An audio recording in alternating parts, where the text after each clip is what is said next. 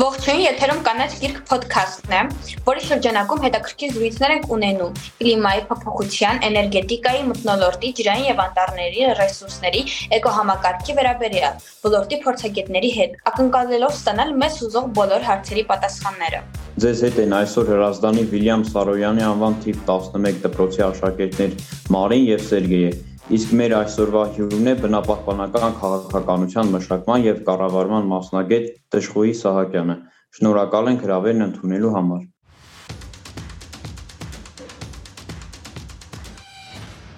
Ինչ գործոններով է պայմանավորված Հայաստանի Հանրապետության բուսականության եւ կենթանական աշխարհի բազմազանությունը։ Հայաստանի Հանրապետությունը, լինելով լեռնային հանրապետություն, լինելով մի երկիր, որտեղ միմյանց միախառնվում են որոշակի աշխարհագրական տարածքներ, նա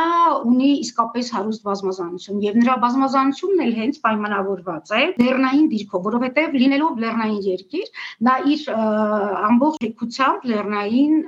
պարունակում է այնպիսի էկոհամակարգեր, որտեղ ենթադրվում է բուսական եւ կենթանական աշխարհի ներկայացուցիչների ներկայություն եւ մաս մասնակցություն։ Հենց այս է ամենաառաջին գրավականը մեր կենսաբազմազանության։ Հայաստանը գտնվելով փոքր Կովկասի իրանական եւ միջերկրա սովյան այդ գոտիների կենսաաշխարհագրական գոտիների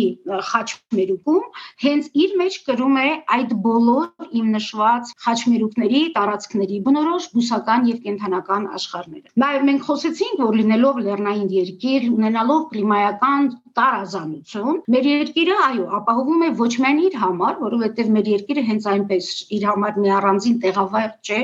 այլ նա զբաղեցնում է համաշխարհային մակարդակով մի դիրք, որը նույնպես շատ հետաքրքիր դիրք է եւ այս մասով նույնպես մենք ունենք շատ մեծ անելիքներ, այն իմաստով, որ պիտի աշխատենք անխաթար ձևով մեր կենսաբազմազանությունը փոխանցել հաջորդ սերունդներին, որովհետեւ մենք ունենք էնդեմիկ տեսակներ, մենք ունենք տեսակներ, կարծում եմ լսարանը գիտի թե ինչ բան է էնդեմիկ տեսակներ, այսինքն դրանք այն տեսակներ են, որոնք բնորոշ են հենց Հայաստանի Հանրապետությանը։ Եվ մենք պիտի այնպես անենք, որպեսզի այս տեսակները ոչ միայն կարողանանք պահպանել, պահպանել նրանց քանակական արկայությունը եւ անխաթար կերպով փոխանցել նաեւ հաջորդ սերունդներին։ Ինչ ենք մենք անում այս կենսաբազմազանության պահպանության համար։ Կենսաբազմազանության պահպանության համար Հայաստանի Հանրապետությունում արկա են ոչ միայն օրենսդրական հիմքեր, այլ նաև կառուցվածքային հիմքեր։ Կառուցվածքային հիմքեր ասելով մենք հասկանում ենք կան տարածքներ, որոնք պահպանվում են, կոչվում են հատուկ պահպանվող տարածքներ եւ այս տարածքները գտնվում են ոչ միայն պետական հոգացության, այլև այս տարածքները պետք է գտնվեն մեզնից յուրաքանչյուրի հոգացության տակ։ Հայաստանի Հանրապետության մեջ այս ամբողջ ներկապնակում կենսաբազմազանության արկային նաև գյուղատեսական տեսակների նրանց ցակման եւ զարգացման համար շատ հետաքրքիր տեսակներ, ոնց դուք գիտեք, որ շատ մոտ Երևան քաղաքին կա Էրեբունի արգելոցը, գիտեք, որ Հայաստանում կան քանի տիպի հատուկ պահպանվող տարածքներ, որոնց մասին կարծում եմ ես քիչ ավելի ուշ իմ խոսքում կնշեմ եւ կխոսեմ այդ մասին, եւ այդ տարածքներում պահպանվում են հենց այնպիսի բուսա եւ կենթանատեսակներ, որոնք էնդեմիկ են Հայաստանի Հանրապետության համար։ Եվ իմ նշված Էրեբունի արգելոցի տարածքում հենց հացազգիներ են։ Հայաստանը գիտեք համարվում է հնագույն տեղավայր, բնավայր հենց հացազգի տեսակների բույսերի համար եւ անչափ կարեւոր է հենց այս տեսակները պահպանել։ Այդ իսկ պատճառով մենք ստեղծել ենք Երևանի արքելոցը, որը հենց այդ հացազգիների էնդեմիկ տեսակների պահպանությանն է կոչված։ Ինչպիսի վիճակում է գտնվում Հայաստանի Հանրապետության բուսական եւ կենթանական աշխարհը։ Առանձնացրեք արկա խնդիրները Հայաստանում։ Կենսաբազմազանության պահպանության իրականացման համար մի շատ կարևոր գործառույթ կա, նրանց պահպանությունը հատուկ պահպանվող տարածքներում։ Հայաստանի Հանրապետությունում դեռ շատ երկարուձիգ տարիներ է ստեղծված հատուկ պահպանվող տարածքներում, դրանք ազգային պարկերն են, բնության հուսաբզաններն են, պետական արգելավայրերը եւ ազգային պարկեր եւ արգելոցներ։ Այս 4 տիպի հատուկ պահպանող տարածքներում Հայաստանի Հանրապետությունում իրականացվում է պահպանության գործառույթը։ 4 ազգային պարկերում եւ 232 բնության հուշարձաններում Հայաստանի Հանրապետության տարածքի ընդամենը 13.1%-ն է ներառված։ Շատ է սա արդյոք, թե քիչ։ Կարմիր գրքի մասին դուք գիտեք, Կարմիր գիրքը դա մեր հանրապետության կենսաբազմազանության պահպանության արտացոլումն է։ Ինչքան տեսակներ մենք ունենք հանրապետությունում եւ նրանց որ մասն է ներառված Կարմիր գրքում։ Ու եթե հիմա իհարկե մենք դեմ արդեմ հանդիպում ունենայինք, ես դες հարցնեի, գիտեք արդյոք մեր Կարմիր գրքի մասին։ Կարմիր գիրքը այն եզակի հնարավորությունն է երկրների, հանրապետությունների համար, որտեղ պետք է ներառվեն այնպիսի բուսա եւ կենթանատեսակներ, որոնք կամ անհետացել են, կամ անհետացման եզրին են, կամ նրանց թվականակը արդեն դարձել է այնքան կրիտիկական, որ նրանք այլևս պահպանության կարիք ունեն։ Ամենահետաքրքիրը հենց նա է, որ մեր կարմիր գիրքը ինչքան գնում է, այնքան դառնում է հաստափոր։ Սա ինչի վկայությունն է, որ մարդը, այս դեպքում արդեն հայ մարդը, իր գործունեության ընթացքում մեծ վնաս է հասցնում կենսաբազմազանությանը։ Եվ հիմա, երբ որ դուք գնում եք բնության գիրկը, երբ որ գնում եք ինչ որտեղ հանգստանալու, երբ որ գնում եք ինչ որ տուրիստական երթուղներով որևէ եկեղեցի կամ բնության հուշարձան տեսնելու, անպայմանորեն պիտի մտածեք, թե տարածքում ինչպիսի բուսա եւ կենթանատեսակներ կան։ Ձեր այցը ինչով կարող է նրանց վնասել։ Արդյոք ձեր կողմից կազմակերպված այս ճանաչողական այցը վնաս չի հասցնելու տարածքում գտնվող բուսա եւ կենթանատեսակներին։ Եվ նաեւ շատ պիտի մտածեք, երբ որ գառնանը հատկապես, երբ որ նոր են սկսում դաշտում ծաղիկները բացվել, ծաղկել, դուք երևի շատ տեսել եք, որ վաճառքի կետերում, վաճառասրահներում վաճառվում են վայրի բուսա տեսակներ, որոնցից շատերը երբեմն հենց կարմիր գրքային տեսակներ են, այսինքն այնպիսի տեսակներ, որոնք անհետացման եզրին են կամ որոնց թմականակը անընդհատ կրճատվում է պետք է մարդկանց բացատրել հենց նրանք ովքեր որ վաճառում են այդ ծաղիկները որ ամեն ինչ չի որովհետեւ ծաղիկները քաղելով մենք ինչ ենք անում ընդհանրապես 1 օրից հետո մենք այն նետում ենք իսկ ինչքան երկար կլինի իր կյանքը եթե ինքը մնա բնության գրկում եւ հնարավորություն ունենա վերարտադրվելու որովհետեւ շատ հաճախ օրինակ երբ որ մենք ունենք վաճառքի ծնծաղիկ մենք տեսնում ենք որ նա իր արմատներով են չէ հանել իր կոճղարմատով եւ պետք է այնպես անել որպեսի իսպար բացառվի եւ վերածվի իհարկե մեկ-մեկ երբ որ այցելում եք ու տեսնում եք այդպես մարդը գայթակղությանը չի դիմանում եւ անպայմանորեն ուզում է փոկել չէ հատկապես կան ծաղիկներ որոնք շատ գեղեցիկ է կանչապոյնակ հիրիկները իսկ Հայաստանում հիրիկների մեծ մասը ընդգրկված է կարմիր գրքում մենք ունենք հիրիկ գեղադիր ունենք հիրիկ վրացական որոնք հենց կարմիր գրքային տեսակներ են, իրենք անչափ գեղեցիկ են։ Եվ իսկապես գայթակղությանը դժվար է դիմանալ եւ չփոկել նրանց։ Ամեն ինչ պետք է անել, որպեսի խուսափենք այդպիսի դեպքերից, որպեսի այդ բույսերը, որոնք հատկապես կարմիր գրքային են, նրանց հավաքը պետք է հնարավորինս կրճատել։ Պահպանությունը մեզ մոտ բուսական եւ կենթանական տեսակների իրականացվում է հատուկ պահպանվող տարածքներում ինչպես կարելի է շատացնել կանաչ գոտիները եւ որոնք են դրա օգուտները Նախ եկեք մեզ համար հստակեցնենք կանաչ տարածքներ ասվածը, որովհետև մենք ունենք քաղաքային կանաչ տարածքներ, ունենք բնակավայրերին հարող կանաչ տարածքներ եւ ունենք կանաչ տարածքներ ընդհանրապես, դրանք անտառածածկ տարածքներն են, վարկագետինները, որոնք Հայաստանի Հանրապետությունում կան։ Հայաստանի Հանրապետության համար կան բազմաթիվ ծրագրեր իրականացված, օրինակ Երևան քաղաքում մեկ շնչին ընկնող տարածքը ընդամենը 7-6 է, չնայած նորման համարվում է մոտ 20-ը Ես չգիտեմ մենք կհասցնենք արդյոք 12 հասցնել մեր մեկ շնչին գնող կանաչ տարածքը, թե չենք կարողանա, բայց գիտեք կա Փարիզի համաձայնագիր, որի շրջանակներում Հայաստանի Հանրապետությունը ունի հանձնառություն միջև 30 թվականը անտառածածկը ավելացնել եւ միջև 50 թվականը, միջև 30 թվականը մեր անտառածածկը, գիտեք որ անտառածածկը Հայաստանի Հանրապետությունում 8.6% է մեկ տվյալներով եւ մյուս տվյալներով 11%։ Մենք հիմա փորձում ենք միջև 30 թվականը թվականը անտառած ծառածքները հա- հասցնել մինչև 12%-ի, իսկ մինչև 50 թվականը շատ հավակնոտ հանձնառություն ունենք տարածածքը հասցնելու 20%-ի։ Իհարկե մեր հարևան երկրներում այդ թիվը անհամեմատ եւ զգալիորեն ավելի մեծ է, եւ սա մեզ համար որպես նախանձախնդիր մարդիկ երկրի տերեր, մենք պիտի անպայմանորեն աշխատենք, որպեսզի այդ տարածքները ընդլայնենք։ Իհարկե մենք այստեղ խնդիր կարող ենք ունենալ, որովհետև մենք չունենք այդքան տնկիներ, որը մենք պետքա ձեռք բերենք, այսինքն պիտի զարգացնենք տնկիների տնկարկները, պիտի աշխատացնենք եւ կանաչ տարածքները արդեն իսկ ոչ միայն ակնահաճո են, այլ նաեւ շատ մեծ սոցիալական խնդիրներ են լուծում, որովհետև եթե քաղաքում կա փոշրու արկայություն եւ այդ ուրբան տարածքները այնքան զարգացած են եւ այնքան են ընդլայնվել, որ այլևս շենքերի մեջ տեղ չկա կանաչ տարածքներին, պետքա մի քիչ զսպել այս ցանկությունը անընդհատ կառուցել, կառուցապատել, կառուցապատել ի հաշիվ կանաչ տարածքների։ Եվ պետքա մենք մեզ համար մեր գործնեության հիմքում անպայմանորեն դնենք կանաչ տարածքների ընդլայնման գաղափարը, գաղափարախոսությունը, որպես այս երեք հիմնասյուների բնապահպանական, սոցիալ քաղաքական եւ տնտեսական օգուտների ապահովման միջոց եւ առաջնայինը համարելով նաեւ մարդկանց առողջությունը։ Այստեղ իհարկե մենք կարող ենք հիշել շատ զարգացած երկրներում թե ինչպես են իրականացնում կանաչապատում, դա ոչ միշտ է որ անտառածածկի հիմնում է։ Դրանք կարող են լինել անտառ պուրակներ, զբոսավայրեր, զբոսայգիներ ու նաեւ շատ հիմա ընդունված է ունենալ կանաչ տանիքներ եւ ունենալ ուղաձիգ կամ ուղահայաց կանաչապատու, ինչը նույնպես կարող է շատ նպաստել կլիմակարգավորիչ ֆունկցիային, կանաչ տարածքների ընդլայնման եւ օդի մաքրմանն ու հողերի դեգրադացիան։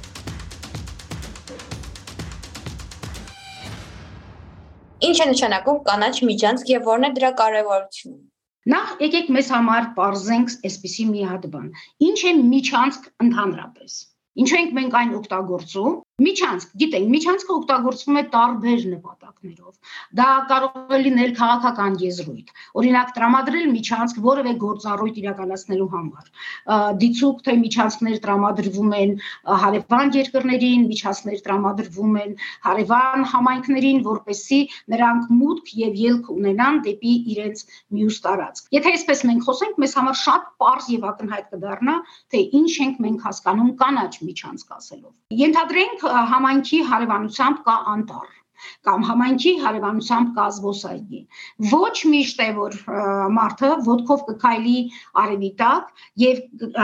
կգնա եւ կհասնի այդ կանաչ տարածքին, կանաչ զբոսայգուն կամ կանաչ անտառին։ Այդ պատճառով պետք է անպայմանորեն համայնքներում ստեղծվեն կանաչ միջանցքներ, որոնք հնարավորություն կտան ապահովելու մարդկանց տեղաշարժը։ Դա կլինի ոդկով, մարդկանց տեղաշարժը, եթե դա կլինի հեծանիվով եւ մարդկանց տեղաշարժը, եթե նրանք պարզապես որոշեն մեքենայով տեղաշարժվել մեկ վայրից դեպի մյուս վայրը եւ իրենց համար ոչ միայն ակնահաճո, այլ նաեւ ավելի հարմար կլինի այս ամենը իրականացնել, այս անցումը իրականացնել կանաչ տարածքների միջոցով։ Կանաչ տարածք ասվածը կամ կանաչ միջանցք ասվածը մենք կիրառում ենք նաեւ աշխարհագրորեն որևէ տեղանքներում, որևէ հատվածում բնակվող կենթանատեսակների համար, որոնք պետք է իրականացնեն իրենց տեղաշարժը։ Մեզանում շատ հայտնի հովազը, որի մասին դուք գիտեք, որը մենք արդեն նույնիսկ նրանց դեմքերով գիտենք, թե նրանց մարմնի վրա որտեղ ինչ պատկեր կա, այդպես ենք, չէ՞, մենք տարբերում մեր հովազներին եւ պիտի ասեմ, որ նրանց համար միջանցք ստեղծելը դա գիտեք որ մեզանում այդպիսի մի խոսույթ կա որ նրանք անցել են իրենք եղել են Հայաստանում բայց ժամանակին մարդու գործնեության արդյունքում նրանց թվականակը կրճատել է մի պահ եկել էր որ նրանք նաև իսպար վերացել էին հիմա նրանք դարձյալ հայտնվել են նշանակում է մենք ստեղծել ենք կանաչ տարածք որպեսզի նրանք հնարավորություն ունենան Իրանից կամ Պարսկաստանից անցնելու Հայաստան ավելին Վերջերս մենք նրան հայտնաբերել ենք նաև Իջևանում։ Սա նշանակում է նրանց համար կան նպաստավոր պայման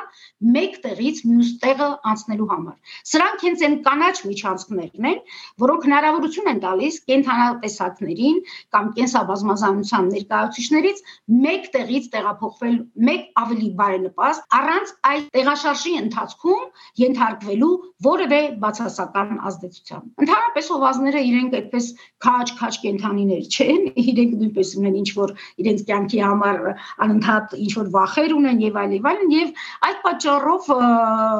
պետքա այնպես վարվել շրջակա միջավայրի հետ չփոխել նրա բաղադրությունը որովհետեւ ինչա երբ որ մի կենթանատեսակ հայտնվում է քրիտիկական վիճակում կամ ինչը երբ որ այդ տեղավայրում այլևս այդ կենթանատեսակը նկատելի չէ նշանակում է մենք այդտեղ փոխել ենք ինչ որ բան ինչ որ բան որը նրա համար այդտեղ ապրելը դարձել է այլևս անհնար օրինակ Երևան քաղաքում երևի դուք տեսել եք որ մեր կենտրոնում Ինչպիսի թռչնատեսակներ կան հիմա։ Նրանք բոլորը ոչ երկեցիկ թռչնատեսակներ են։ Հիմա շատ են կաչաղակները, հիմա շատ են անգրավները, ինչու այդպես։ Գիտեք, որ երկեցիկ տեսակները, թռչնատեսակները ընդհանրապես զուգավորվելու համար միմյանց գտնում են իրենց ձայնով, չէ՞։ Այդ ընդհանուր աղմուկի, շինարարության աղմուկի, տրանսպորտի աղմուկի մեջ նրանք իրար կորցնում են։ Դրա համար քաղաքի կենտրոնը նրանք զիջում են այլ թռչնատեսակների, որոնց համար դա էական չի եւ կարեւոր չէ, եւ իրենք դուրս են գալի դեպի քաղաքի ծայրեր։ Հայաստանի ֆլորայի անոթավոր բույսերի 452 տեսակ ներառված է Հայաստանի Կարմիր գրքի երկրորդ հրատարակության մեջ։ Ինչով է դա պայմանավորված։ Արդյոք դա կապված է կլիմայի փոփոխության հետ։ Ընդհանրապես բոլոր տեսակի փոփոխությունները այս երկիր մոլորակի վրա կատարվում են մեր թեթև ձեռքով այսինքն մարդ արարածի թեթև ձեռքով։ Իհարկե կան բաներ, որոնք բնությունը ինքն է մեզ պարտադրում եւ բնությունն է մեզ թելադրում, թե ինչպես վարվենք, բայց այնուամենայնիվ մենք շատ մեծ դերակատարություն ունենք խաթարելու շրջակա միջավայրի հավասարակշռությունը։ Սա կարող եմ ես ձեզ հետ խոսելու ժամանակ անպայման մեջ բերել Սևանի օրինակը, թե ինչպես մենք խաթարեցինք լճի հավասարակշռությունը, որոշում ընդունելով, որ նրա ծավալը պետք է կրճատենք, այս կերպ պայքար պայքարելով ոչ միայն գոլորշիացման մեծ թվերի հետ, այլ նաև հնարավորություն տալով մարդկանց Սևանի ջուրը օգտագործելու էլեկտրոէներգիա ստանալու նպատակով, ռոռոկման նպատակով, որովհետև ի վերջո հասկանալի է, որ թե երկրում կա այդպիսի մեծ պաշար ջրի, որտեղ ամբարված է, նո այստեղ իրենք մոռացել են, որ սա խմելու ջրի ռազմավարական պաշար է, եւ այն օգտագործվում էր ռոռոկման նպատակով, նո հասկանալի, եթե այլ աղբյուր չկա ռոռոկման համար, պիտի օգտվել նրանից, ինչ որ քո ձեռքի տակ է եւ ինչ որ քեզ հնարավորություն է տալի որպես ռեսուրսի օգտագործման աղբյուր օգտագործելու։ Անոթավոր բույսերը 452-ն են, որոնք ներառված են եւ ես դες արդեն ասացի, թե ինչպես ենք մենք նրանց ներառում կարմիր գրքում, այստեղ մենք անպայմանորեն հիշում ենք, թե ինչպիսին է իրավիճակը։ Դա իհարկե ամբողջ ֆլորայի ընդամենը 12%-ն է։